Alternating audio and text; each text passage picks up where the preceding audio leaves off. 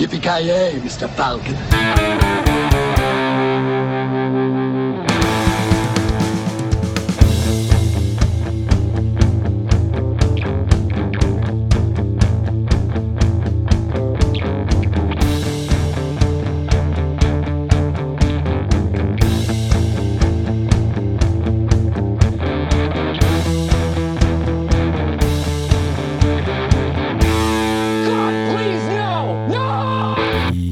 Eh, Jajamensan gott folk. Fan vad ovant det här var. Uh, hjärtligt välkomna till ännu ett avsnitt av Creative Mental Podcast med mig Kalle äntligen tillbaka.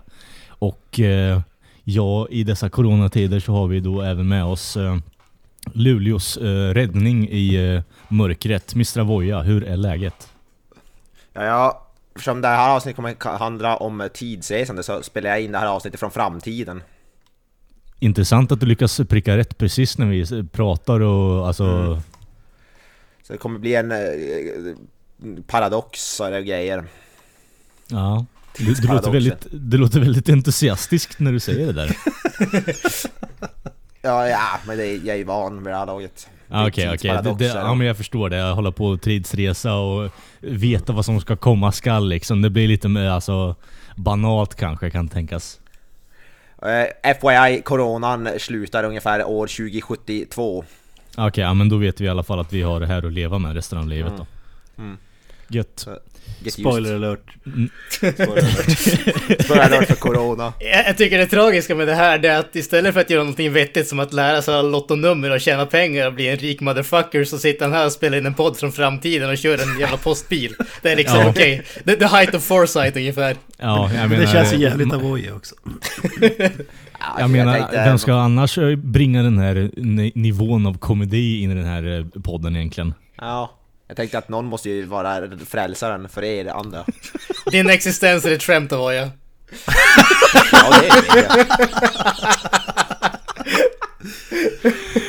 Det visste jag ju redan. Ja, exakt. Oj, vad skulle du göra om du, om du fick möjligheten att resa tillbaka i tiden och göra vad du vill? Kör postbil och spela in den här podden för två lyssnare.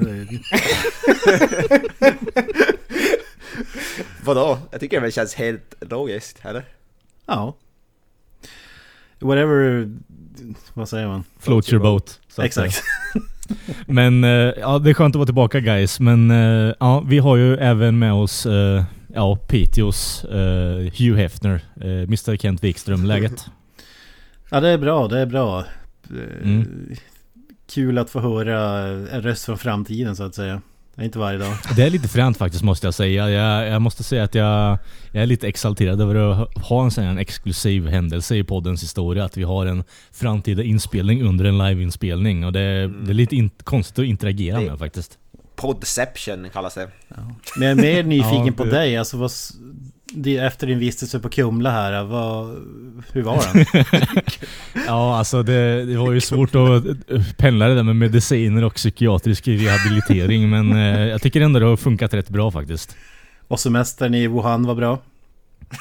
ja, ja, det var den. Eh, väldigt bra. Eh, mycket, alltså fladdermussoppa blev det ju, men eh, du vet ju hur det är. Ja, ja. ja there, done that så att säga. Ja exakt, exakt. Alla kan ju inte vara patient zero, någon måste ju ta på sig den också. Vill du ha den rare, medium rare eller well done? Då är det ju rare. Nej, alltså det är ju medium rare när det kommer till fladdermus faktiskt. Det, du får fram de så extremt bra eh, smakerna eh, i fladdermus då, vill jag Te faktiskt påpeka. Texturen, ja fy fan. Alltså, det, det känns ja. ju som att alltså, fladdermusvingarna är så jäkla tunna så det går inte att få någon medium rare där. Sätter du dem i en stekpanna då får du ju bacon Det är ju olika delar av fladdermusen. Vingarna blir ju lite som eh, eh chips blir det ju. Att du slänger in dem i ugnen, lägger på lite salt, olivolja och sen så har du, ett, eh, du har en väldigt bra snack där på eftermiddagen. Okej, okay, du mer eller mindre friterar dem alltså? Exakt, exakt. Knapriga fladdermusvingar, ja. Salt and vinegar fladdermusvingar, ja för fan. Sour cream and fladdermus. Dillovirus. Ja, precis. Corona edition. Corona. Men eh, som sagt, eh, sides.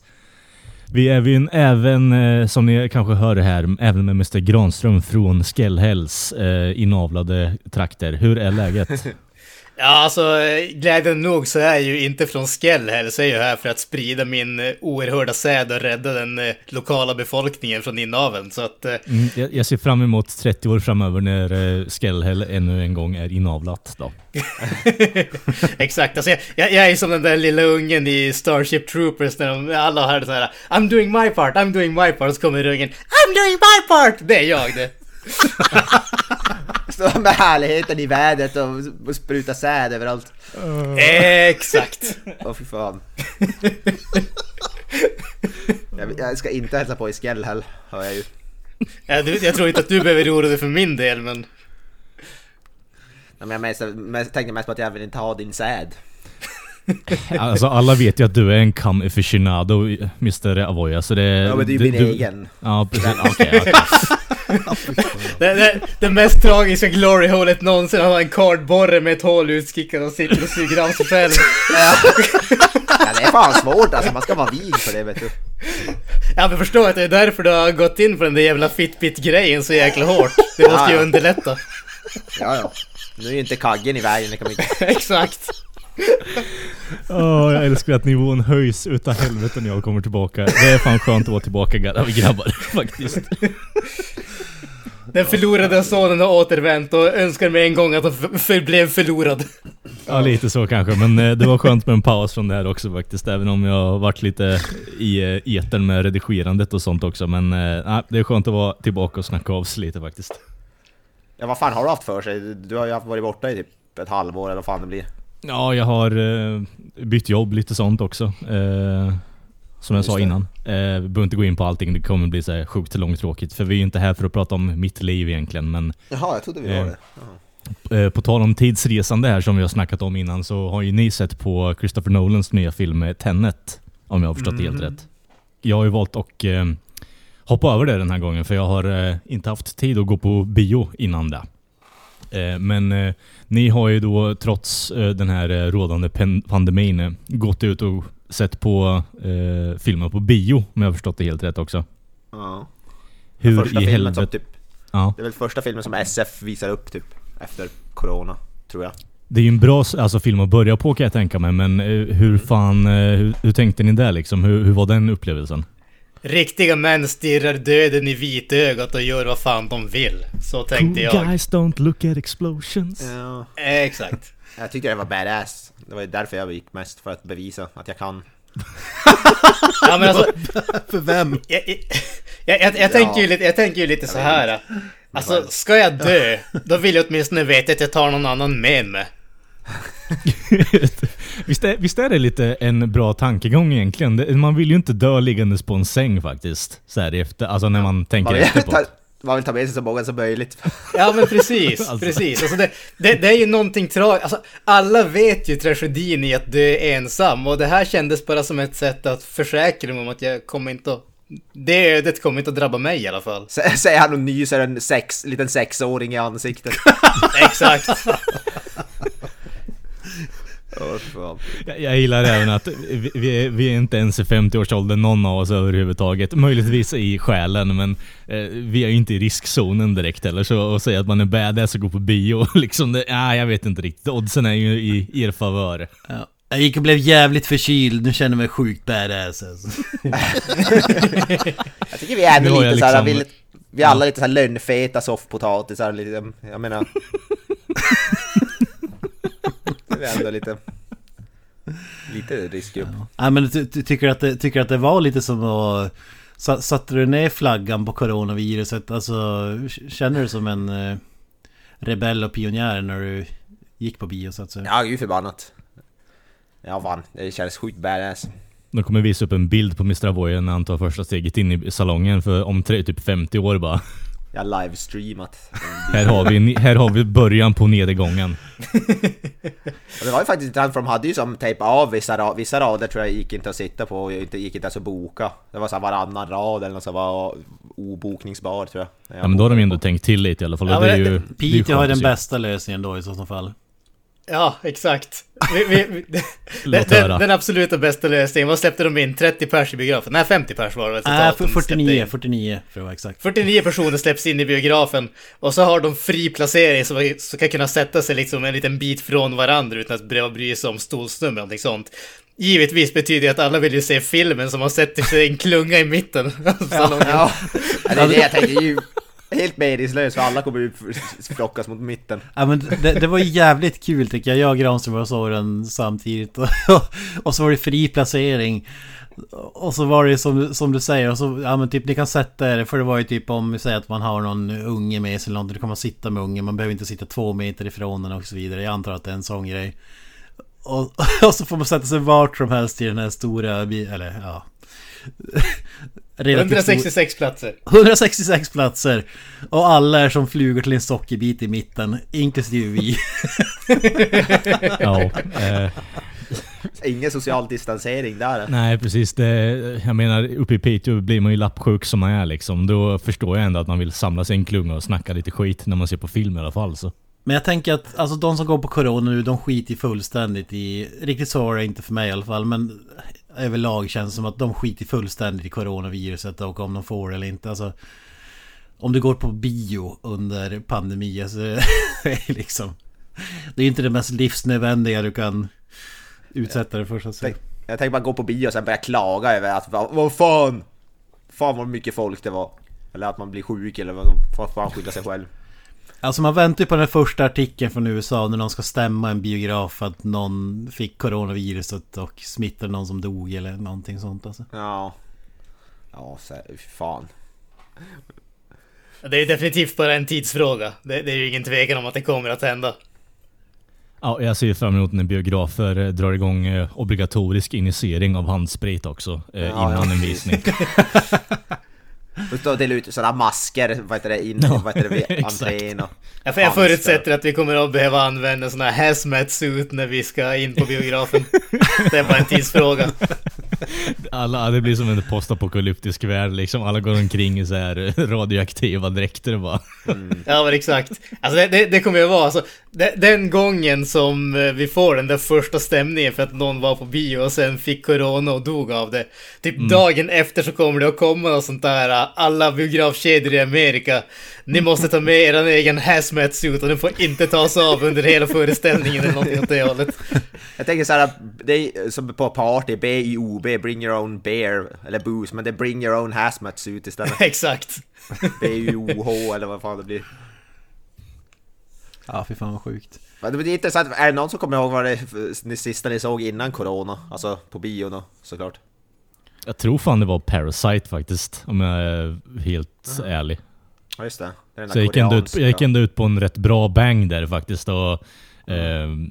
eh, såg en kvalitativ film i alla fall. Eh, så det var ju inte Endgame som var sista biofilmen innan det här eh, hände faktiskt. Så det var ju ja, nice. Jag har ju sett, sett många filmer efter game, Endgame. För mig mm. var det den här The Invisible Man, den jag pratade om den lite i podden kommer jag ihåg. Det var typ just någon vecka typ innan det stängs igen alla biografer. Mm. Och det var ju också en jävligt bra film så jag är nöjd med det valen. Granström, ja. kommer du ihåg vad du såg? Sonic the Hedgehog. Snacka om att go out with a bang alltså, fy fan. Ja, men kvalitativt. Jim Carrey med storlös mustasch. Ja, eh, exakt. Jag har ändå hört att de gjorde rätt, att, det, att den har blivit rätt positivt, eh, ja, alltså det, överkommen med folket. Ja, ja absolut. Alltså, är, jag påstår inte att det är något uh, stort mästerverk eller någonting sånt, men mm. jag tycker att det är en helt okej okay familjefilm om man säger så. Uh, de, de, fick ju väldigt, väldigt mycket goodwill efter att de uh, redesignade Sonic till att se ut mer som tv-spelsfiguren istället för den där... jag vet inte ja. vad fasken man ska kalla det. Nightmare Fuel-varianten som de hade i den där första trailern. Någons ja, original OC dream liksom. Ja. Fan han vad hade så mänskliga, typ så påriga ben och grejer. Det var så skitmärkligt. Ja, ja men det, det, det, var ju alltså de hade väl gjort någon sån där uh, mer realistisk uh, variation i och med att det skulle vara inne i en live action uh, film. Det såg ju groteskt och hemskt ut och allting sånt. Alltså det var ju... Det hade bara varit mycket, mycket bättre om de faktiskt hade tagit en verklig igelkott och slängt en blå, eh, alltså målarfärg på den eller någonting och sen bara låtit det vara. Ja, det, det, hade varit mycket bättre. Jag hade velat se någon i rubber suit, ja det hade jag velat se den sån. Det var väl i stort sett det du fick till en början där. Ja. Men jag tänker, vem fan... Dwayne The Rock Johnson i rubber suit, det hade jag Ja. The Rock, The Rock i rubber suit. The Rock som Sonic, eller vadå? Ja, Ja. ja precis. Kent, vad, vad såg du innan Corona? Kommer du ihåg det? Ja, vi- jag kollade här lite innan och jag tror att jag kom fram till att det var Rise of Skywalker i december 2019 så det var ju ett tag sedan. Det var ju inte ett topp, en toppfilm att gå ut på så att säga. Nej. Nej, nej det, det kan jag inte påstå. Det, Det var ju bättre om det var Rambo Last Blood eller vad? ja, ja, ja. Då hade man ju aldrig behövt gå på bio igen. Nu, nu kände jag bara att jag vill skilja bort den här skiten från min pal- smakpalett eller vad man ska kalla det. Mm, men det, det låter det. Alltså det det jag måste säga att med tanke på hur ofta man var på bio tidigare, för då var det ju ändå oftast åtminstone minst en gång i månaden, ofta fler än det. Och hur fort det gick från att gå från det till att inte gå på bio alls och liksom känna som att okej, jag, jag saknar det inte direkt. Det är ju en häftig upplevelse och så men Ja, jag vet jag inte. föredrar, jag föredrar ju alltid att se film hemma om man kan. Alltså hade jag kunnat få tag i alla nya filmer direkt, alltså i samma kvalitet så hade jag typ aldrig gått på bio igen. Nej, samma här. som- Samma här. Alltså, hade man haft en... Ni har ju mer eller mindre allihopa en väldigt bra uppsättning på filmvisning hemma liksom. Hade jag haft något liknande hade jag ju definitivt hellre sett det hemma. eh, Och bjudit över ett par polare och eh, sett på film hemma istället, absolut. Men eh, just nu är det ju så att varken någon av min krets har ju så här mega-uppsättningen där man kan gå och se på bioliknande film hemma. Och då är det ju bion som gäller tyvärr. Det väl börjat komma lite mer så att man kan köpa typ biofilmer så för hutlöst dyra priser och se hemstreama hemma. Jo, de, eh, jag vet inte riktigt men eh, på, på ett sätt och vis så kan jag tycka att eh, SF bland annat, de har ju någon app.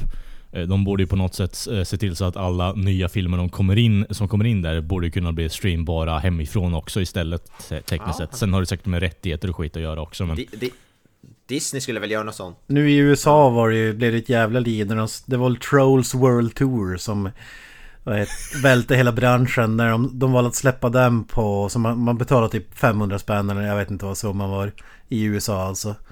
Då kunde du se den, du behöver inte gå på bio utan du kan köpa den hemifrån och streama. Och då sa ju alla biografer sa ju 'fuck you' och eh, bannade alla filmer från det bolaget. Jag vet inte om det var Universal eller ja, vad det nu var för bolag som släppte filmen. Så, så jag tror att det är först nu de har börjat deala om att kanske släppa in deras filmer på biograferna om jag minns rätt. Jag är inte superinsatt hur det gick sen men det var inte populärt bland biograferna typ. För det, det är ju så om, om en gör det då kommer ju alla göra det och så varför ska man visa den på bio om det visar sig vara lika lönsamt att släppa den hemifrån så. Nej precis, jag, jag är med på hur de tänker definitivt. Men alltså jag tror Disney ändå... skulle väl göra något sånt? Mm. Med den här Mulan-filmen va? De skulle, skulle bara släppas bara på Disney Plus tror jag. Ja, Ja, Disney är väl de som kan det. göra vad fan de vill egentligen utan att det... Ja, jag tänkte bara ju- just när det kommer till den där Trolls 2 också. En av grejerna till att den var, eh, till att eh, biograferna verkligen fick typ frispel när, det, när de släppte den på VOD var väl att eh, filmbolag, jag tror att det var Universal som du sa Kent, jag är inte helt hundra på det. De hade väl typ sagt att den skulle gå upp på bio också. Och så sen typ veckan innan den släpptes så bestämde de sig för att nej, den ska inte gå upp på bio, vi släpper den bara på VOD. Så det var delvis därför de vart jävligt eh, pissed off Ja. också. Men det där är ju lite av en dick move också, det kan jag ändå förstå att det blir backlash på. Så. Ja men alltså när, när biograferna är som svagast och går som sämst Då ska de liksom köra med det där det är. Jo men de vill ju ha pengar in dem också, alltså filmbolagen. Det är Ja, inte så jävla konstigt. Så, och det här är ju en bra övergång tekniskt sett om folk inte får lämna hemmet. Ja, Jag har inget emot, jag, jag tycker det är bra. Jag hade inte haft något emot att kunna betala en peng för, att- att se nya filmer hemma faktiskt. Men med, med allt det här sagt så en av anledningarna till att jag gick på bio nu var ändå för att stötta Även om mina 150 spänn kanske inte räddar bioträd i Piteå så Så har man ju ändå liksom Ja, för det måste vara sjukt jävla tungt Alltså för, för, Ja. för en biograf Ja, att det är ju- inte kunna släppa in publik på typ ett halvår eller vad fan det blir Det är ju det är ju en sak för er biotränare som ni går på, för den är väl ändå privatägd. Det är ju Ja. Filmstaden här är ju ändå som en ganska stort, så där, den är väl kanske inte så, så farligt för. Men det viktigaste är att det är sådana små privata, privatägda ändå. Ja Tycker, kan jag väl hålla med om. Ja men så är det ju. Det är väl inte för att vi ska prata specifikt om bioträn jättemycket men de har väl inte haft det jättelätt redan innan så att säga. När, innan allt det här hände. Har det väl varit lite fram och tillbaka med hur det gick för dem och sånt där. Så att... eh, Ja, det, det, även om det känns som en liten grej så tror jag att det är nog bra för dem att man går dit i alla fall och gör det man kan. Ja, Ja, Riskera livet för dig själv och andra. För, precis, precis. Jag hoppas ni köpte någon popcorn också för att stötta ytterligare. nej, äh, den, den skippar vi faktiskt. Ja. Åh, fy fan. Hädelse. Ja, det har man ju ångest för nu så här i efterhand alltså. Ja, det hoppas jag verkligen. Alltid popcorn på bio, alltså fy fan. Det är ett måste för min del. Alltså jag kan inte, jag äter ingenting på bio. Alltså varken popcorn eller godis eller dricka eller någonting åt det hållet. Nej, vi vet. Och du, och du stör dig även på folk som kollar på bion också, och när du är där och kollar också. Ja, det står Nej, det folk som inte alls andas det, på men- bio liksom. Precis. Alltså jag, jag förstår bara inte problemet. Varför kan du inte andas tyst? Jag menar jag sitter ju ändå typ två meter ifrån. Det måste du vara så jävla högljudd. Uh, Äh, det där med att du, att du inte ens dricker någonting, alltså typ så här tre timmar bara, du sitter bara där och torrtrycker för att du ska få ut max av filmen. Det är faktiskt intressant alltså. Ja, nej, jag- jag- Torrtrycker. Alltså jag, kan, jag, alltså jag kan fan inte se film, alltså se något. Jag ser all, alltid något när jag ser hemma oavsett om jag ser en serie. och Jag ska all, måste alltid ha något att käka till. Ja, Jag kan fan inte se någonting utan att äta. Så för mig är det helt otänkbart. Med det sagt till popcorn och chips, det, det tycker jag inte är ultimata bio för att du hör ju fan inte vad du själv tänker när du... Alltså när det är något som Ja, låter högt, när du tuggar på det liksom. Alltså egentligen ska man ju ha en sån där stor jävla papperspåse med godis som man hör dels hur man tuggar och sen hör man varje gång man prasslar och tar en ny jävla godis.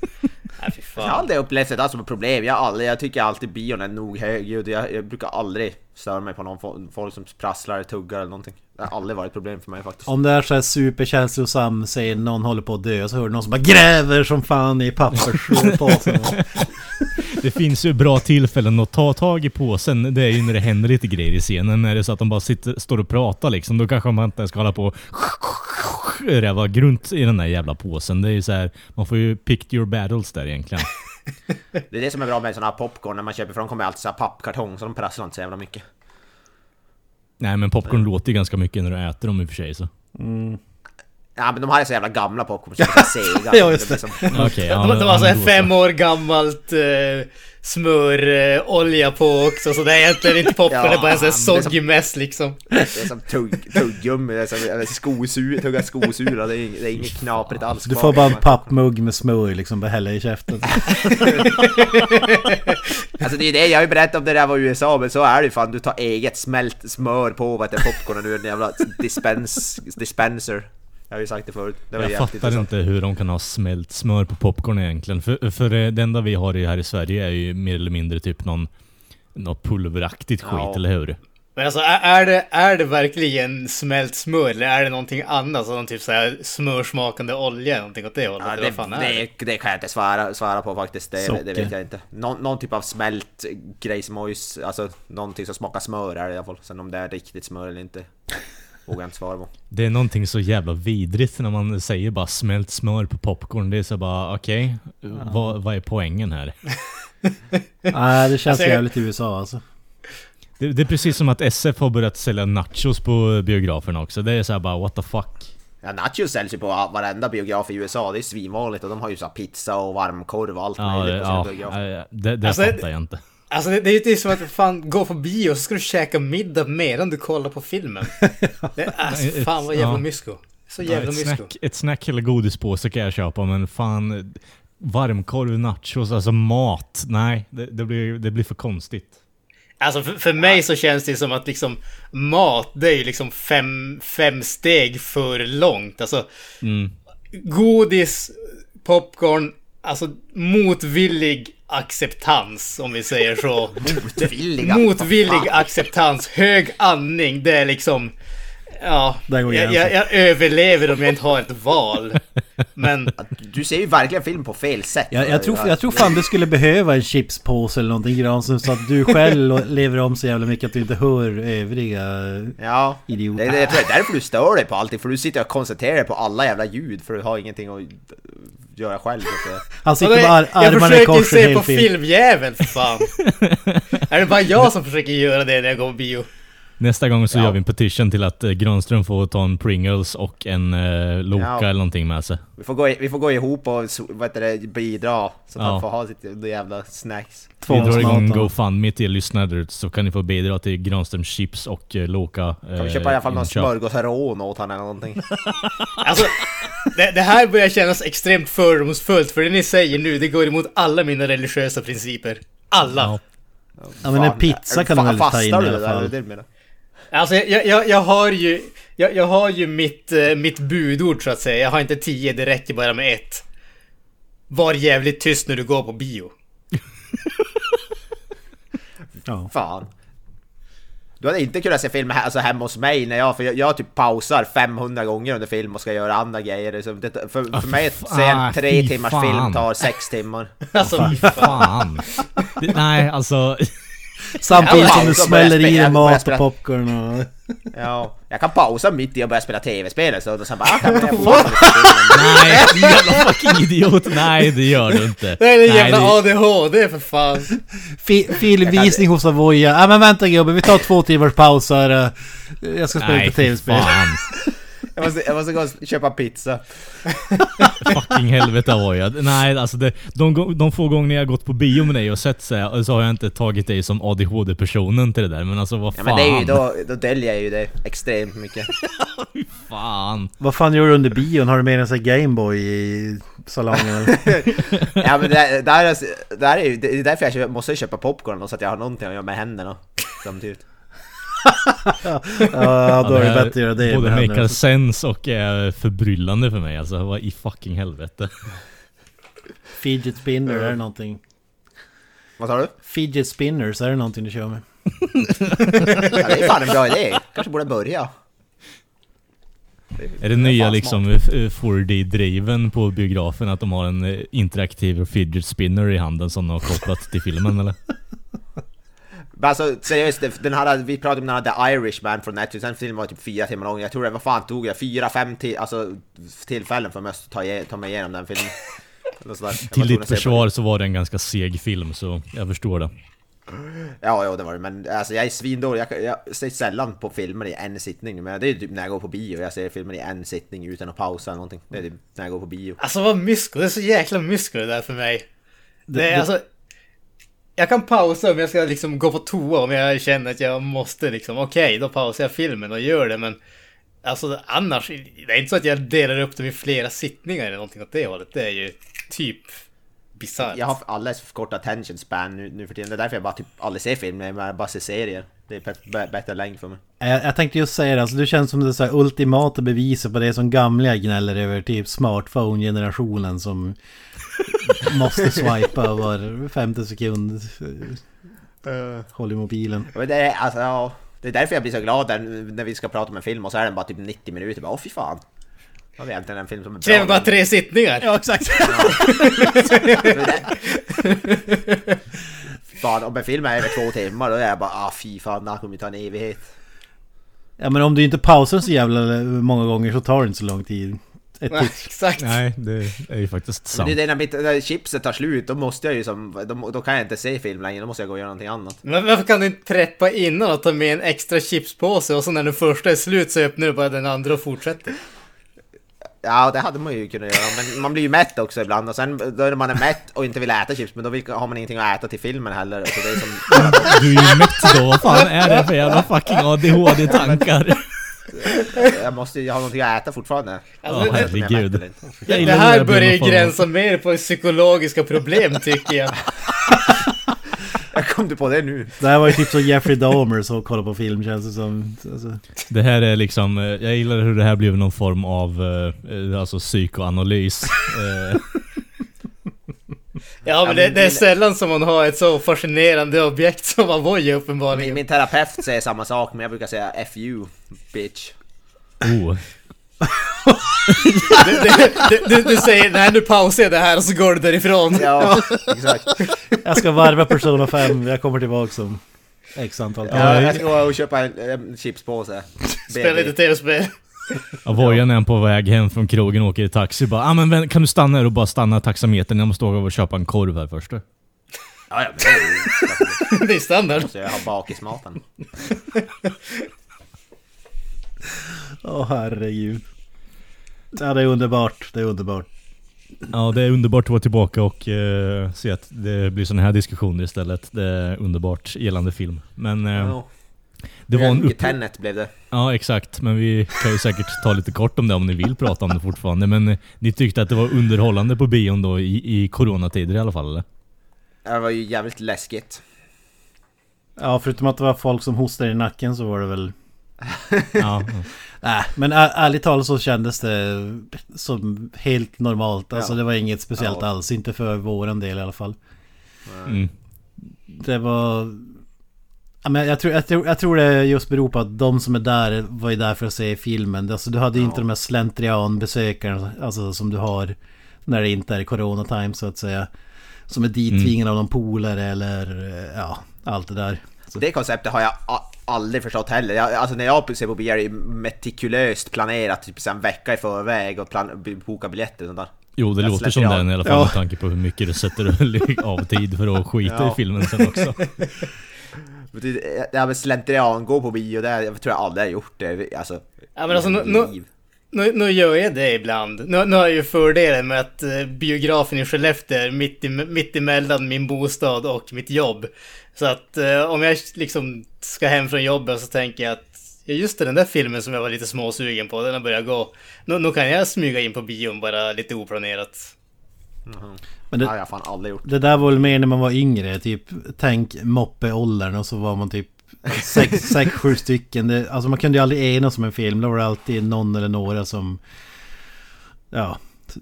inte försökte förstöra upplevelsen men som skiter fullständigt i om man ser filmen eller inte.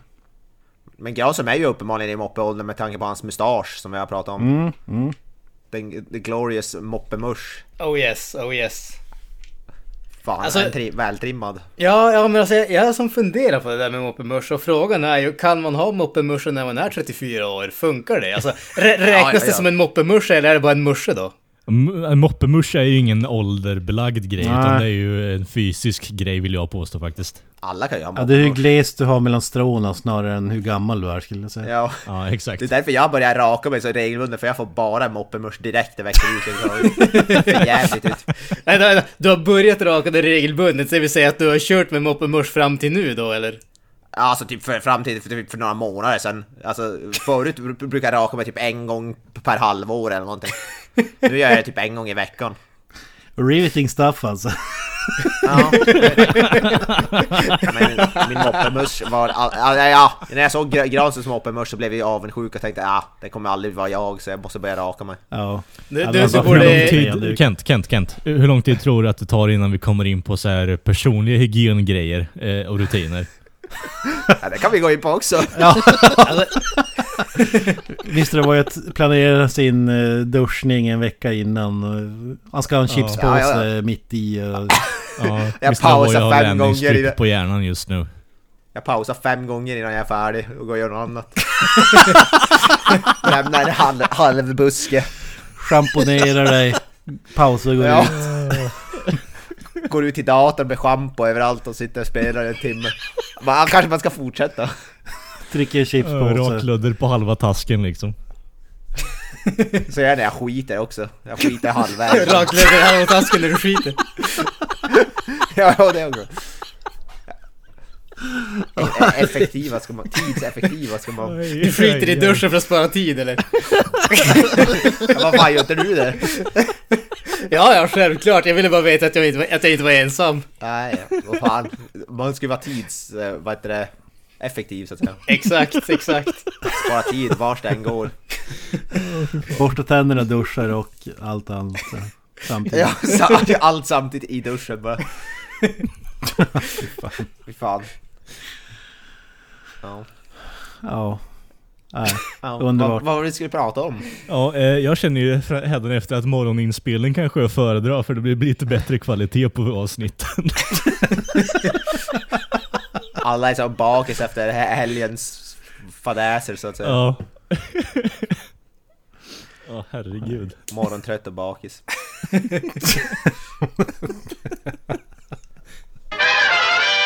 Ja, vill ni prata om Tenet lite eller? Ja. Ja, vi kan väl ta den jävligt, eller så spoilerfritt som möjligt. Det är väl... Det är sjukt, det, det, det är lite coolt ändå på något sätt att fan folk i New York och Los Angeles kan inte se det men vi i Piteå och Skellefteå och Norrköping kan ta oss till närmaste Jaha, vad fan är det? Okej, just det. är Avstängning. Jag, jag har inte kopplat. ja, just det. Ja, de har ju bom, bommat igen, eller vissa städer, eller Mm. vad man säger, är ju fortfarande no-go I zones lockdown ungefär. ja. Exakt. Ja, No Det var lite roligt när, vi kom, när jag kom till bion, där man såg på de här TV-apparaterna som visar visningar, så var det bara så här, Tenet, Tenet, så här, det var typ så här, fem visningar per dag eller någonting, bara Tenet.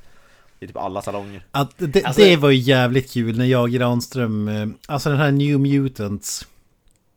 Mm. Den har ju blivit uppskjuten, vad är det, två år eller någonting. Ja, jag tror att det skulle släppas typ 2018 ursprungligen. Och, och alltså det känns ju bara som att folk skiter i den här filmen. Så de släpper ju den också nu samtidigt som Tenet. Och så var det så jävla kul. Inför filmen spelar de trailers och reklam. Och så kommer, kommer trailern för New Mutants. Och så när trailern är färdigspelad står det Release, typ 23 april. Alltså de har inte ens brytt sig om att ändra filmen. datumet. För, Nej, ja, exakt. Det såg jag också, så var det för oss, fast för oss var det, heter- för, var det den här James Bond-filmen No Time To Die, april 2020 stod det. Ja, fy fan alltså. Fy fan. Fan, där man märker att de, de, de give a shit alltså. ja, fan, fan eh, okej, ja, den trailern fick inte visa ju. Fick se en massa usla 50 Shades eh, kopior till filmer, trailers till det och New Mutants. Ja. Jag, vet inte, jag tror inte New Mutants var med för oss, jag kommer fan inte ihåg. Men eh, No Time To Die i alla fall, James Bond-filmen. April 2020, det var, jag det var jävligt kul. Och vad, jag förstått så ska Granström trotsa Corona än en gång för att se den här fantastiska New Mutants. Ja, alltså det är inte helt omöjligt. Jag är ju ändå... Den, alltså det, det är ju typ den enda X-Men-filmen som verkar intressant för att de försöker göra någonting annorlunda med det i alla fall. Så att jag är lite taggad på den. Jag har Jag inga förstår, förhoppningar. inte, jag förstår inte riktigt hur, hur du inte är trött på Marvel än alltså. Det, det är fan helt fascinerande.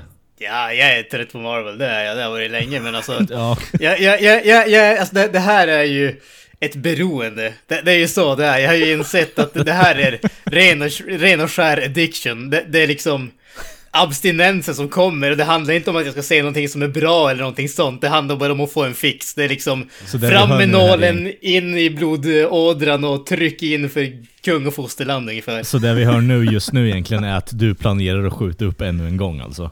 Ja, alltså i stort sett är det ju så. Jag skulle Ja, ja. förmodligen behöva en intervention, men eh, ja. New Mutants känns ju inte så mycket Marvel dock, den är ju väldigt, känns ju lite annorlunda. Men jag var sugen på den också fram tills så så att jag började läsa alla recensioner som har kommit nu, den är ju söndersågad Ja, ja, den, är, den har ju alltså. fått uh, värdelös kritik. Ja, Ja, men det, det finns en anledning till att den har gjorts om flera gånger och pausats och ställts Ja. in i... förmodligen. Alltså filmen har väl varit klar minst två gånger och så har de gjort om den tror jag. Alltså, ja, Ja, jag tror det. Men Låter som det beryktade appro- Avoya-approachen där liksom. Mm, ja, precis. ja men folk har väl jämfört det med Fan Forstick vad, vad jag läst att det känns som... Alltså, Ja, just det. det. blir ingen... Det blir ingen... eh, Det känns inte som en film utan som att 15 personer har varit inne och sågat Mm. och redigerat och allt. Varför i helvete har det blivit så jävla populärt för? Alltså, fatta mig rätt alltså. Det, det, det är så tråkigt när de håller på sådär och bara byter regissör hela jävla fucking tiden. Det är ju precis som man ser på alltså, senaste Star Wars-filmen liksom. Det var ju 15 filmer igen. Ja. Ja, det är typ so Solo-filmen, Mm. Justice League, eh, nu var det väl det kanske av andra anledningar. Ja, Men, men eh, ja, vad fan har du mer? Du har den här New Mutants. Men New Mutants har vi snackat om tidigare. Den var ju så här eh, ett offer i den här dealen där Disney köpte upp 20th Century Fox. Där Disneys... Eh, eller Disney Marvel-gänget kom in och sa att fan det här håller inte Disney Marvel-klass. Den är alldeles för bra. Så vi måste göra den sämre. ja, ja, den är alldeles bra. Vi måste lägga in lite mer ostiga dåliga skämt och eh, göra den lite mindre mörk. Ja, men det är typ en skräckfilm. Nej, det, ja men vart är uh, fat jokesen och uh, alla Ja. de här grejerna? Det var samma som, som vi sa Sylvester Stallone gjorde med Judge Dredd. Gjorde den sämre. Nej, han gjorde den bättre för fan. Nej Ja, Kent, fan. det, det gjorde han inte. Jag förstår den. Ja. Nej. Kent, är det här ett typexempel på en person som kan stirra sanningen i vitögat och vä- vägra tro på det? Ja. Det är ju... Ja, den stare down man vinner varje gång. You wish. Nej men det, det känns som, alltså jag fatt, som du säger, jag fattar inte heller varför man gör det. Nu kommer vi in på en helt annan diskussion här men Alltså det har ju inte gått bra för de filmer som har, som har Alltså typ Solo sänkte hela jävla Star Wars-franchiset. Eh, Fan Stick var ju ingen dunderhit om man säger så. Och Justice League var ju likadant. Det var ju typ början på slutet på DC Universe-grejen. Eh, jo precis, vi pratar inte om filmer som har släppts här, alltså tätt in på varandra heller. Det är ju flera år emellan dem så man kan ju hoppas att de har dragit någon form av lärdom av det men det verkar inte som att de har det vilket är mer intressant faktiskt. Mm. Ja. ja men man fattar, allt vill att tjäna pengar men även när de gör saker så vet de inte kommer tjäna pengar så Mm. ja, nej. Who knows, who knows. Tenet! Ja. Ja, Tenet. det är en film. Granström, hur skulle du beskriva handlingen för den eh, filmen? Ja, fy fan. Alltså, i, i vå, våran eh, inte spoila någonting eh, stil så skulle jag väl säga så här. Vi kan inte spoila den här filmen därför att vi är för dumma för att förstå den i ärlighetens namn. Förmodligen. Nej, men alltså, eh, om man väldigt, väldigt övergripande ska beskriva den här filmen skulle jag säga att eh, det finns en... Det finns objekt som har så kallad, eh, som är inverterade, vilket i praktiken betyder att de har en omvänd kronologi, så de färdas bakåt i tiden. Eh, en CIA-agent eh, och en eh, brittisk intelligence eh, officer spelade av John David Washington och Robert Pattinson börjar nysta i det här mysteriet vilket leder mot en rysk affärsman slash vapenhandlare slash bad guy helt enkelt. Slash Bondskurk. Ja, precis. Ja. Ja, det de försöker ta reda på, dels vad som hans involv inblandning i hela det här fenomenet med de här eh, inverterade objekten är och vad hans eh, personliga mål är för att eh, det är han som verkar hålla i alla de här trådarna så att säga. Och det är egentligen om man säger den övergripande handlingen. Sen är det ju en sån här uh, adventure i stil med ja, Mission Impossible och James Bond där de är över hela världen. Vi får diverse fläskiga actionscener som, måste jag säga, ser riktigt jävla coola ut och sådär. Men grundhandlingen ska jag säga är det, utan att spoila nå- någonting mer så att säga. Alltså, innan filmen så sa de ju såhär, ja det handlar om att de ska förhindra tredje världskrig genom att resa i tiden, bla bla, men jag tror jag såg den filmen, fan det kändes inte alls som det, det var, det kändes som att det var typ 500 andra grejer, men det kändes aldrig som att det var det var som själva huvudmålet i filmen på något sätt, jag vet inte. Det är svårt att förklara, men Ja men det, Alltså det... det- tycker jag ändå att det var. Det, Ja, det, det håller jag med om. Det som är grejen där, det är ju att man ska inte tro att det här är Terminator, där om de eh, liksom om de tabbar sig så får vi sista halvtimmen i filmen är liksom ett världskrig. Det är inte en sån film. nej, Utan exakt. det, det är som bara en backdrop till varför de gör vad de försöker göra så att säga. Eller varför de försöker göra Ja, det de gör. det, men det, var, det är inte så jättestort fokus i filmen, det, det, är, det är som det jag menar. Ändå. Det är inte som det huvud, huvud... Ja, huvudgrejen. Nej. Jag tänkte, jag tänkte mig att det var så, att det, som du säger, att det skulle vara så här, typ i slutet så skulle någon... Det var så här bara, ah, nedräkning till tredje världskriget. 5, 4, 3 och sen stoppar de det typ. I och för sig, du, kanske hade lite för, för lite förtroende för Christopher Nolan men det var som det jag hade uppbyggt i huvudet. du vill ha liksom Moonraker eller någon sån här... Ja, alltså det var typ det jag såg framför mig. Något sånt där riktigt såhär in your face-aktigt. Fast då, det tänkte man, borde man ha tänkt, ja det är Christopher Nolan så det kommer ju inte vara så men ja. Chi fick jag så att säga. Ja verkligen. Ja, det är en svår film att prata om där tycker jag ändå. Till till viss del, som Kent sa, var inne på innan vi pratade, det är som svårt, för det är mycket... Det är svårt att inte spoila filmen. Men om vi säger så här då istället. Tycker ni att de tillämpar de här tidsresgrejen, alltså konceptet på ett smart sätt eller? Det tycker jag ändå att de gör. Det, det, det tycker jag. Alltså, nu... nu jag, jag sa det efter, vad heter det, efter att jag hade varit och sett filmen, att det känns ändå som en film som jag skulle vilja se igen. för att uh, upptäcka fler uh, detaljer och nyanser mm. i den. Det, det, känns inte som en film som är egentligen svår att förstå, men den är inte berättad på ett sätt som är enkelt att ta till sig därför att saker händer inte i en rak kronologisk ordning om man kan säga så. Okej, okay, okej. Okay. Ja, men, eh, ja, men det låter ju lite standard för Nolan om jag får säga det. Men eh, det men... blir ändå på något sätt väldigt eh, genomgående för hans filmer att ju mer gånger du ser dem, desto bättre blir de. sen så har inte jag haft mage att se på Interstellar en gång till, för jag tyckte inte om den. men det är en annan sak. men resterande filmer han har gjort har jag ju sett flera gånger. Ja, är det någon som inte är Nolan-fanboy i den här podden eller? Mm, tror nej, du inte det? tror jag inte. nej, genomgående jävligt bra filmer. Ja, ja verkligen. Den här tycker jag väl passar in där också. Jag tycker först och främst, om man bortser från allt det här konstiga hopp, tidshoppande och så, tycker jag bara att den är underhållande att se på som ett spektakel på grund av mm. just actionscenerna. Det var det som jag tog ifrån mest, att actionscenerna är några av de coolare jag fått i Tycker jag en modern, alltså modern actionfilm. För det var fruktansvärt. Det var, jag vet inte hur man ska förklara det. Det var väldigt... Ja... Det är spektakulärt kanske. Ja, spektakulärt känns som ett bra ord att använda. Ja, precis. Ja. precis. Lite matinékänsla typ, eller vad? Ja. Men jag, jag, tycker ja, men det... jag tycker samtidigt inte att det är... Ja, det är definitivt en biofilm ska vi säga, men... Den är mm. filmad typ Alltså jag tror att hela filmen i IMAX kändes så i alla fall. Men kanske var någon del som... Eh, jag tror att, jag, tror att, jag, tror jag läste att det är så blandat som han brukar göra. Vissa delar filmen i IMAX och vissa inte. ja, jag, tänk, jag såg jag tänkte på, på när det eh, Rise of Skywalker i eh, Stockholm på IMAX så visar de ju en eh, extended trailer på den här filmen. Eh, så jag tror ja. nog att eh, som, som ni säger så finns det en hel del IMAX-scener i filmen. Men... Det, ja. Det gör det alltid. Och det är de som är mäktigast. Eh, typ. Alltså no något som är coolt jag läste, det här är Nolans film med vet du, minst specialeffekter av alla hans filmer han har gjort, läser jag. Mm. Han är bara så 250 VFX-shots eller något sådär. Specialeffekt-shots. Allting annat, alltså mm. annat är praktiska effekter. Det känns jävligt bisarrt med tanke ja, på hur filmen ser ut. Ja. Alltså alla, alla grejer som de gör såhär baklänges sådär i filmen som är såhär, där, där de spelat in faktiskt baklänges. Så bil, det finns en biljaktscen som är typ såhär, går baklänges. Den är inspelad precis som, alltså baklänges, de kör baklänges och sånt Mm.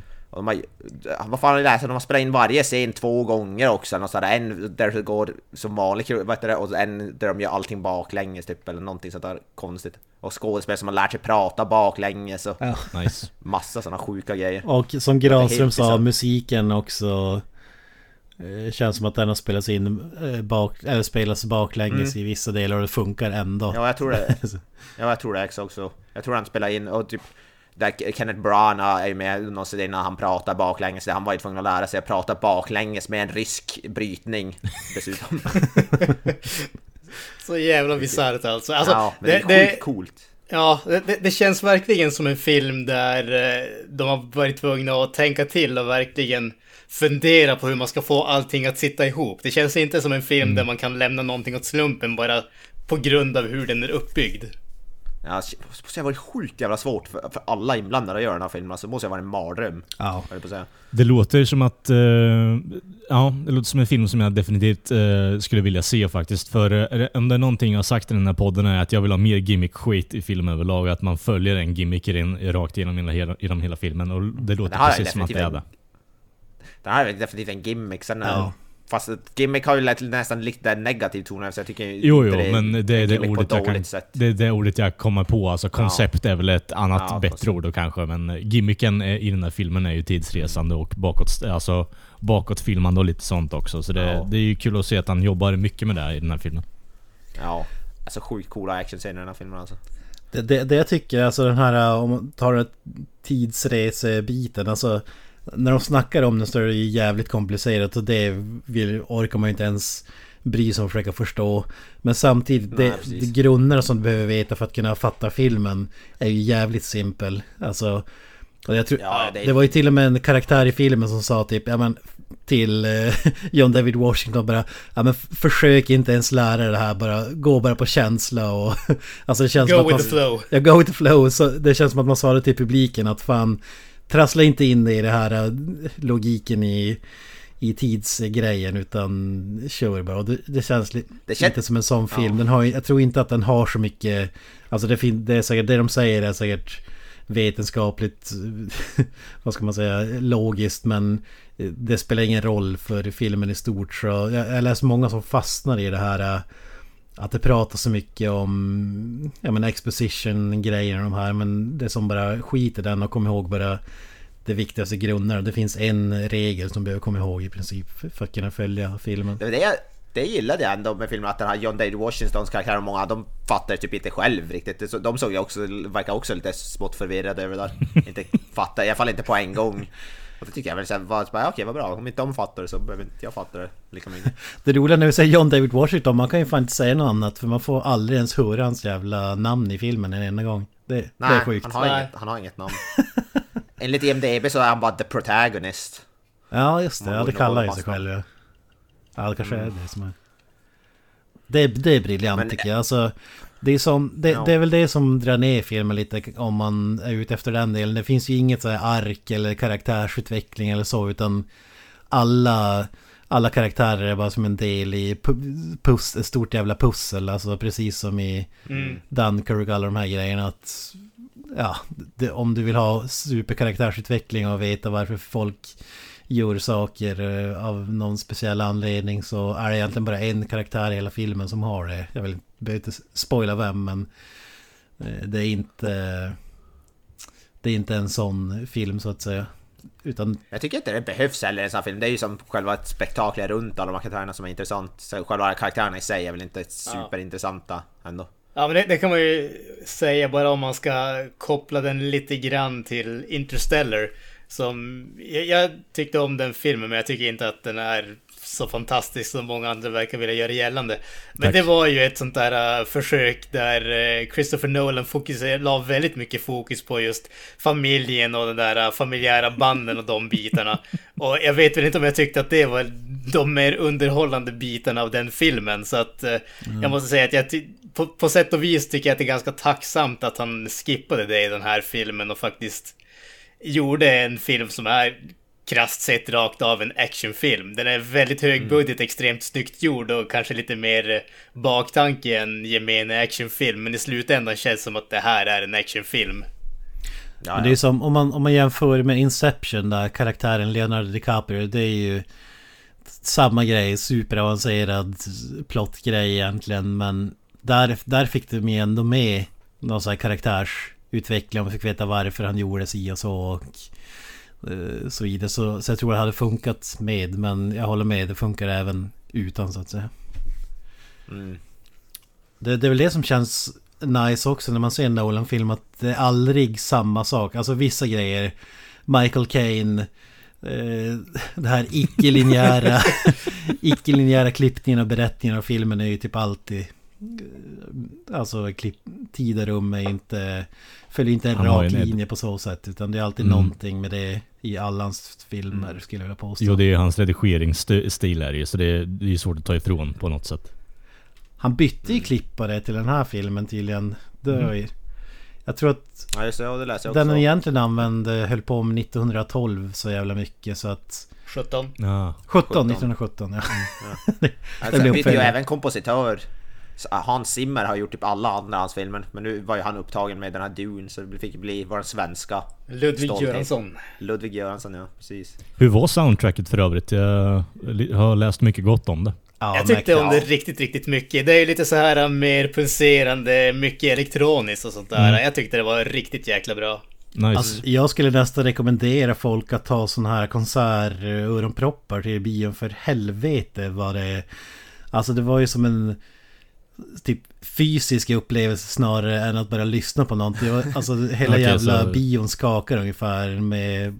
Ah, jag tyckte det var jävligt mäktigt alltså. Men sjukt högt. Ja, det, det var det. Tyckte ni att det drog alltså att mixningen var för hög? Eller på bas, alltså på basläget då? Eller? Nej, det, höj, det, var- förhöjde alla scener tyckte jag. Mm, okej. Det, det, det, enda, det enda dåliga jag kan säga om mixningen, det var att vissa gånger så var det svårt att höra vad folk sa. Jag var ganska tacksam över att det Ja. var textat måste jag erkänna, för annars är det en sån som ofta brukar se filmer hemma utan text.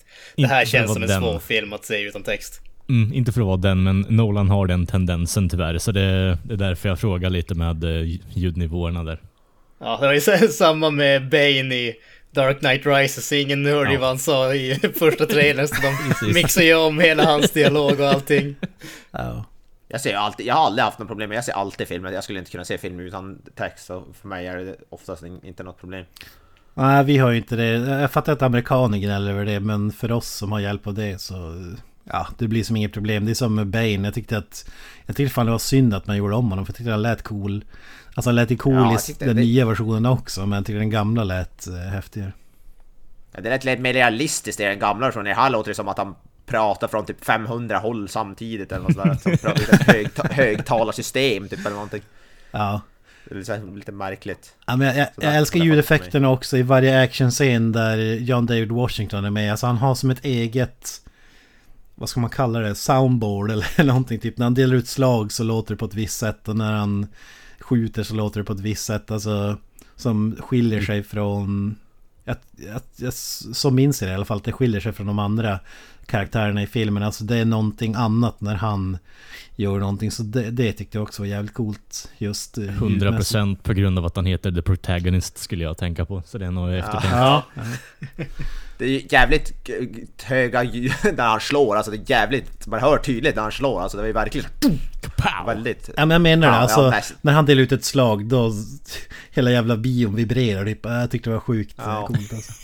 fan nice. Ja, jag var, ja fan de här närstridsscenerna tycker jag var, alltså jag tyckte jag var sjukt jävla väl koreograferat och coolt och och sånt där. Ja, om det är någonting ja. man ska kritisera Nolan för så är det typ när han gör actionfilmer så har han inte actionskådisar. Alltså Leonardo DiCaprio är ju inte Stallone Schwarzenegger eller Van Damme. Alltså hur man än vill eh, få det till det så... Så, så det känns inte, inte heller, vad fan heter han? Joseph Gordon Lewitt eller vad han heter? Levitt. Levitt. Levitt. Ja. Är ju inte heller någon action maestro rent så här fysiskt på film. Men här, här tycker jag ändå Washington, alltså fan... Alltså han, han är så jävla bra alltså. Fan vad jag älskar honom. En ung Denzel som känns som att han är jävligt mer fysisk än sin farsa alltså. Ja. Ah, ja det vill jag också. Fan vad bra han, ja, men han, han, är väl, han är väl före detta football player så att han har ju den där, den där han är ju inte jättelång snubben. Nej, men nej, han, har, han, har, han har den där grova byggnaden alltså. Han har ju man, man, känner ju att när han slår så är det liksom det är tyngd bakom om man säger så. Mm. Det känns inte som att det bara är en sån där äh, flashig koreografering eller någonting åt det hållet. Det känns som att han har den där kapaciteten att lägga tyngd bakom allting han gör. Ja, du hade inte kunnat lägga de ja, där det... effekterna på DiCaprio. Då hade det blivit komiskt bara. Nej. en deadbody liksom i frame och sen bara kommer en knytnäve här.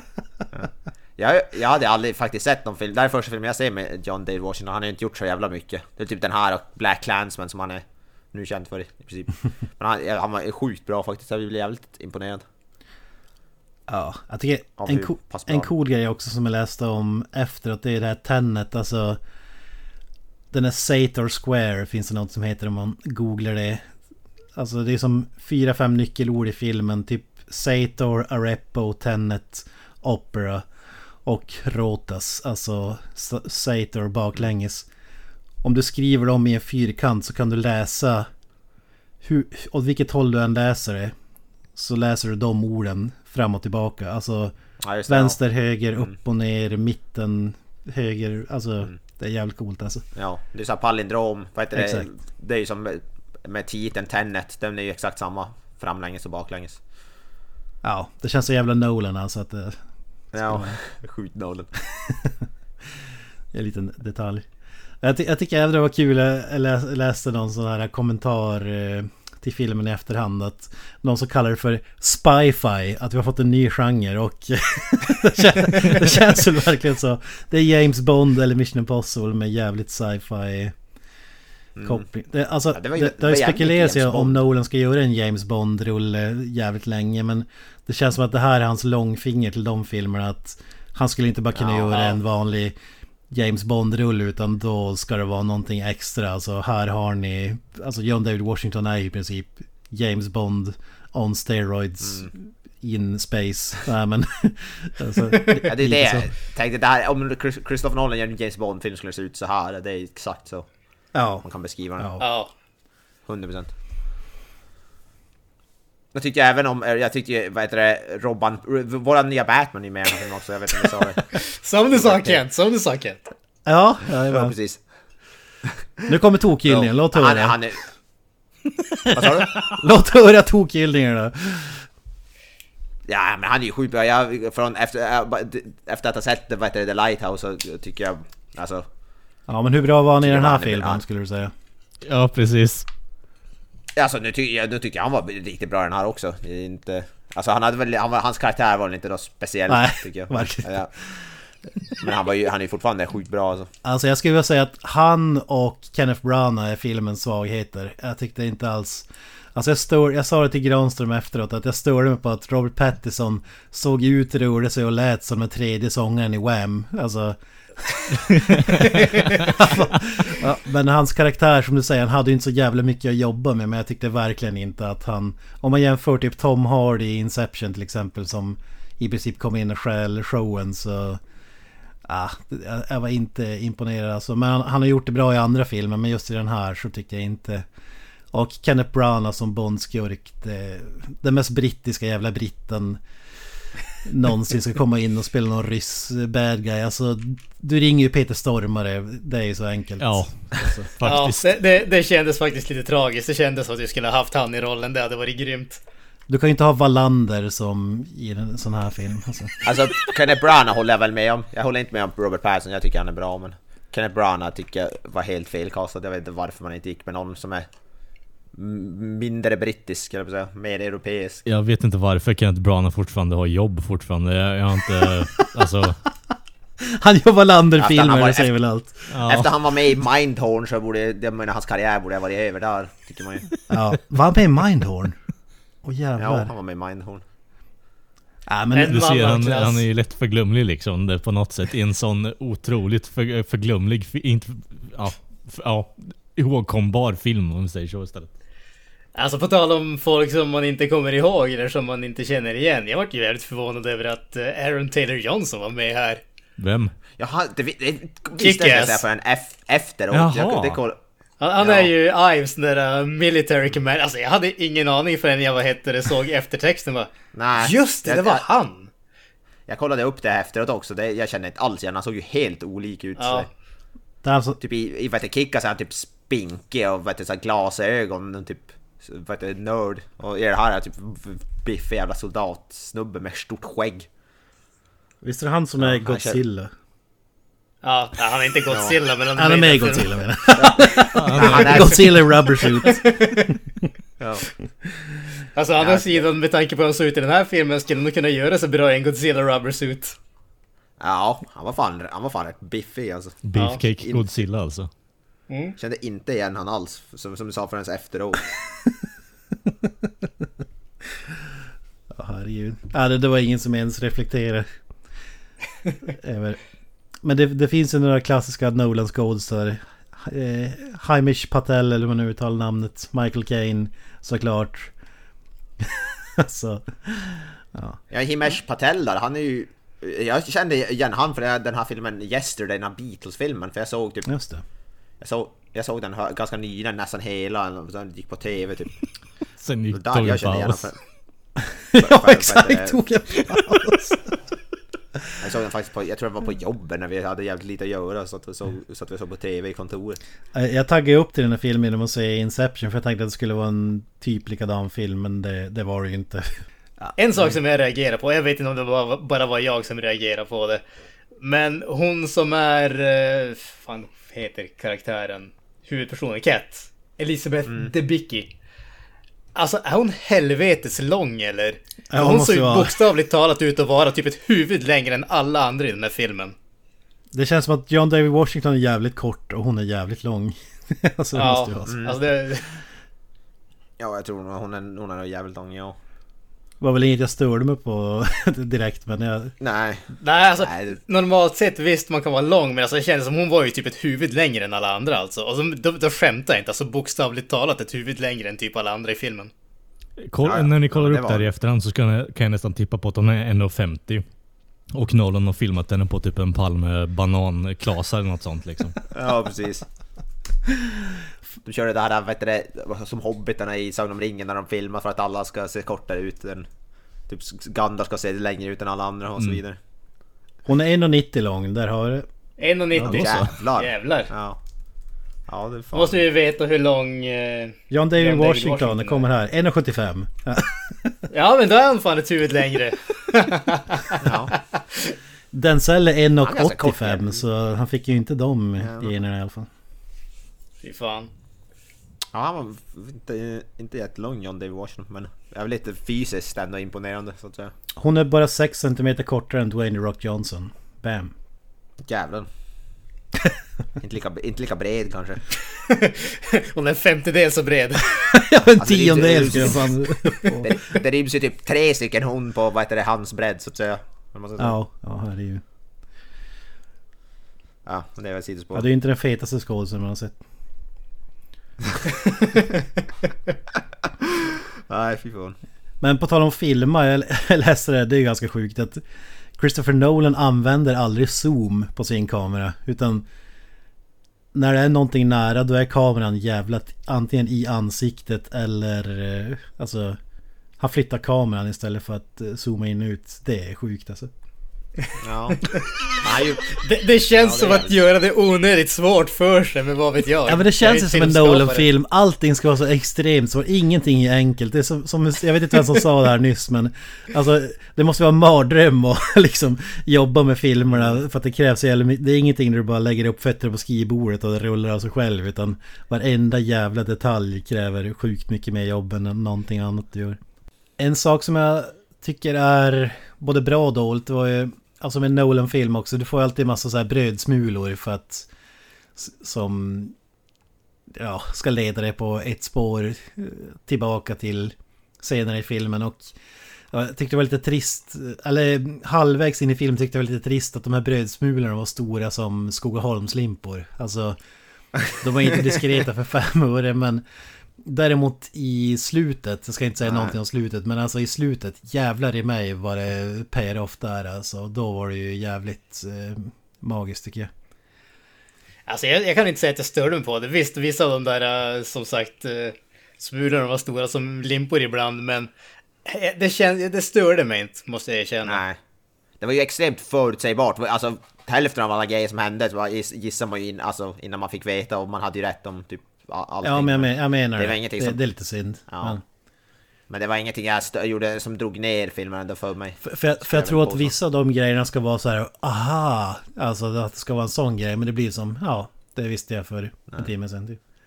Alltså det var bara, ja just det, det var den personen som var, som jag trodde var den personen så att säga, bla bla, utan att säga för mycket. Men Mm. det, ja. Vi är så extremt sofistikerade så vi genomlistar filmen. Ja, ja, det är de enda förmodligen på planeten som bara eh, listar ut alla de där grejerna tror jag. Ja, ja, Det känns högst sannolikt. Ja, ja, Tre av tre, det är ingen slump. Ja, men, nej. nej men som sagt, jag tror den här är en sån här film, alltså, som Ken sa, där, lyssna på karaktären i filmen, där, skit i allt, försök, försöka sätta dig in i förklaringen, bara se filmen som så här underhållande actionfilm. Jag tror det är det bästa sättet att se den här filmen på. Annars får man bara huvudvärk tror jag. Jag ska försöka. Men ska, ska vi avsluta med vad vi tyckte om och sätta en siffra på den? Eller ska man ranka den någonstans i Nolan-stegen? Sätt en siffra på den bara. Ja, ska vi sätta en siffra? Det var länge sedan, vi har, vi har, inte, vi har undvikit siffror nu när vi har haft så tema. Jag kan inte betygsätta gamla filmer känns typ rätt meningslöst. Alla 10 av 10. Det kanske är... Det kanske är, vet du, det är mer rätt att sätta en siffra på en ny film ändå. Mm. Vänta. Vem vill börja? Mr Granström kanske? Ja, alltså jag tyckte den var riktigt, riktigt bra. Det, jag tycker inte att det är ett eh, mästerverk om man säger så, även om filmskapandet i sig är ju mästerligt. Men alltså jag skulle ge den 8, 8,5 av 10. Definitivt en riktigt bra film, definitivt en stark rekommendation. Jag tycker absolut att eh, man ska se den på bio, corona till trots. Men eh, jag tycker väl kanske inte att den är riktigt up there med hans bästa grejer heller. Ja, nej. Jag ligger exakt på samma 8 av 10. Jag tycker definitivt inte det är hans bästa film. Jag vet inte ens om jag skulle stoppa i topp 3 av hans bästa fi- filmer, men... Även en, en sämre Nolan-film är fortfarande bättre än 99,9% av alla filmer som görs, så... Eh, det är som med Quentin Tarantino, sån där löjligt hög lägsta nivå. Ja, Så ja, äh, jävligt bra underhållande. Jag vill se den igen för jag tyckte man, det känns som du sa, man upptäcker nog fler grejer. Man ser den, så jag, det, när blurre-utgåvan så att säga kommer så vill jag ju dra hem och se den igen då, definitivt. Men en 8 känns väl som bra betyg skulle jag vilja säga. Mm. Ja, jag är på typ samma nivå. Men ja, 8,5 om vi ska prata kommatecken skulle jag nog vilja hävda. I, inget mästerverk men jag älskar filmen. Tyckte jävligt eh, mycket om den. Alltså sjukt bra upplevelse. Definitivt bio som Granström säger. Skriver under på, på allt du säger. Men jag håller ju fan den här högre än Inception till exempel. Ty, tycker det var mer eh, underhållande och, och den biten. Alltså jag skulle vilja säga Washington i fler i den här typen av roller. Alltså jag tycker det skulle, tror det skulle vara mäktigt. Samtidigt så känner jag mm. Jag hoppas att han är nöjd nu. Att det inte blir en sån här Ridley Scott-grej med skapelse, berättelse. Att han... Att Nolan trasslar in sig i den här tidsgrejen. För att jag känner bara att det räcker med den här filmen. Nu går vi vidare. Alltså inte för att han har gjort samma filmer tidigare. Men jag hoppas att det här är den sista av den här delen. Alltså gimmick, eh, gimmicken. Jag behöver inte se fler filmer med den. Jag tycker vi kan få någon som film då, då för han gjorde ändå Dunkirk som är så långt ifrån det man kan komma tycker jag ändå. Så man, att han kan variera, han kan ju variera sig uppenbarligen så. Nu har han ju gjort många sådana tids så. Alltså nu kan, han, nu kan han få göra med sådana filmer också men han kan ju... Nu kanske nästa film blir något mer i stuk med Dunkirk typ. Men. Dunkirk var ju en jävla tids... Eh, hoppande... Ja men jag tycker att den ändå inte har samma flummighet eller vad man ska säga. Jag tycker den ändå kändes den var lättare att följa och typ så rent kronologiskt sånt där tyckte jag inte den var lika den var inte lika så hoppig eller vad man ska säga. Jag tror, jag tror att hade, ja, eh, ja, det är bara för att du har det här eh, tilläggsmomentet. Alltså, man hade egentligen kunnat stryka all den här förklaringen och exposition om grejen då hade det varit lika hoppig som Dunkirk skulle jag vilja påstå. Men jag, jag, tycker, jag tycker däremot set piece eh, grejerna här, de är absolut inte bland Nolans bästa, tycker jag. Alltså jag håller fortfarande bankrånet i The Dark Knight som den coolaste jävla eh, setpiecen han gjort. Den är så jävla mäktig. Och sen Dunkirk är ju som en enda stor jävla eh, setpiece över två och en halv timme eller vad det är. Så den är också jävligt eh, mäktig. Men jag, jag tycker ändå inte att någon av de här slår sig in på den absoluta topplistan. Även om de var sjukt bra, jag tyckte om dem också vidare. Men hade inte samma Alltså såhär wow-faktor som de har. Med det sagt så är de som du säger bättre än 99% av alla andra action set pieces i, i andra filmer. Alltså jag, jag det finns en set piece där mot slutet som jag tyckte var Ja det var bland det mest fantasifulla jag har sett. Alltså jag tyckte det var Jag kunde ha problem att hänga med vad fan som hände men det var så sjukt coolt ut. Den framförallt är väl det som ja. lyfter filmen tycker jag. Fan vad cool. Fan vad cool den scenen var i slutet. Jag håller med. En sak jag ska säga om tidshoppandet också som hade problem med att i typ såhär Inception då när du reser världen över då känns det som ett ny stad varje gång. Här känns det som att alltså man är så jävla nära man är så jävla nära karaktärerna att typ, ja, är vi i London, är vi i Mumbai, är vi i eh, Danmark? Oslo? Eller Norge? Ja, hos... Alltså... Det, ja, det, det, det, ja, det är, lite synd att Ja, det är ju petitess givetvis, men det, Typ som en James Bond-film, då har, ju, då har du typ kanske en djungel eller en stadsmiljö eller alltså... Mm. I, typ i Inception, då har du snögrejen där som sticker ut som fan. Alltså... Hade velat ha något mer... Det känns som att vi är på samma ställe hela tiden alltså. Ja, nej, man, man, ja, man, man kan ta två olika scener från två olika städer, man kan ha ingen skillnad som... Det är som, ingenting som utmärker vart de är. Vart är de här James Bond... Eh, eh, vad säger man? Establishing shots typ eh, Jesus-statyn i Rio de Janeiro och alla de här grejerna. Nej, precis. Nej, precis. Nej, det, det kan jag väl hålla med Det är väl inte... Miljöerna är inte så... Det, inte, det kan aldrig kunna vara filmat i allt. De hade kunnat utspela sig i samma land alla timmar. Man hade inte märkt någon skillnad. Det hade kunnat spelas in här i Piteå. Och vi hade kunnat säga att... Ja, det hade kunnat vara i... I Flen, typ. Ja. Säffle är Rio de Janeiro. Säffle. Ja, när ska Christopher Nolan komma och göra en film i Säffle? Det vill jag veta. han har ju varit i Norge och Danmark nu så han börjar närma sig i alla fall. Ja, fan vad coolt. ja, den här öppningsscenen med båten, det var i Danmark vad jag förstod. Och så Oslo då förstås. Vad sjukt, jag, jag läste han, är ju, de är ju i Tallinn i vet du, Estland i den här filmen. Det är typ första filmen, så här, alltså stor film, så här, typ så 70-talet som är filmad i för att det är Tallinn. Ursäkta mig, torsk på Tallinn om jag får Ja, exakt, exakt, tänkte just säga det. Fan, det är fan en bättre Men är den film än filmad, här i, också. är den filmad i Tallinn då? Ja, ja, 100 procent. Kan ni säga. Lembits Det är klart det är autentiskt. Ja, det var lite coolt. Ingen ville, inte populärt att filma i Estland, uppenbarligen. Det är klart det är. Ja, ja. Men ingen har ju vågat efter torsk på Tallinn liksom. Det går ju inte att toppa det. Nej, det är väl det. Jag satt, satte ribban för högt direkt. Så att säga. Ja. Christopher Nolan såg Torsk på Tallinn och bara Fan, jag ska våga mig på det här. Är det dags för mig att byta bransch? För det kommer ändå, vad jag än gör kommer jag aldrig kunna toppa det här. Det liksom. Nej, fy fan. Lasse Kongo liksom. Ja. Med tidshopp där, fan vad det är. Ja, precis. Ja. Fan. Kongo begins, kör Christopher Nolan. Det här är en mörk, gritty version av Torsk på Tallinn. The Christopher Nolan version. Ja, nog mörk är den fan i mig, det skulle jag vilja hävda. Fan.